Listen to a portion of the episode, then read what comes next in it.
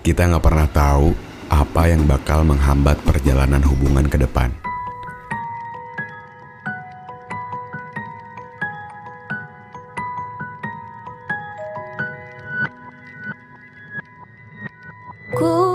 Mungkin karena perbedaan, ego yang terlalu berlebihan, atau sesuatu yang gak pernah hadir ketika fase pendekatan.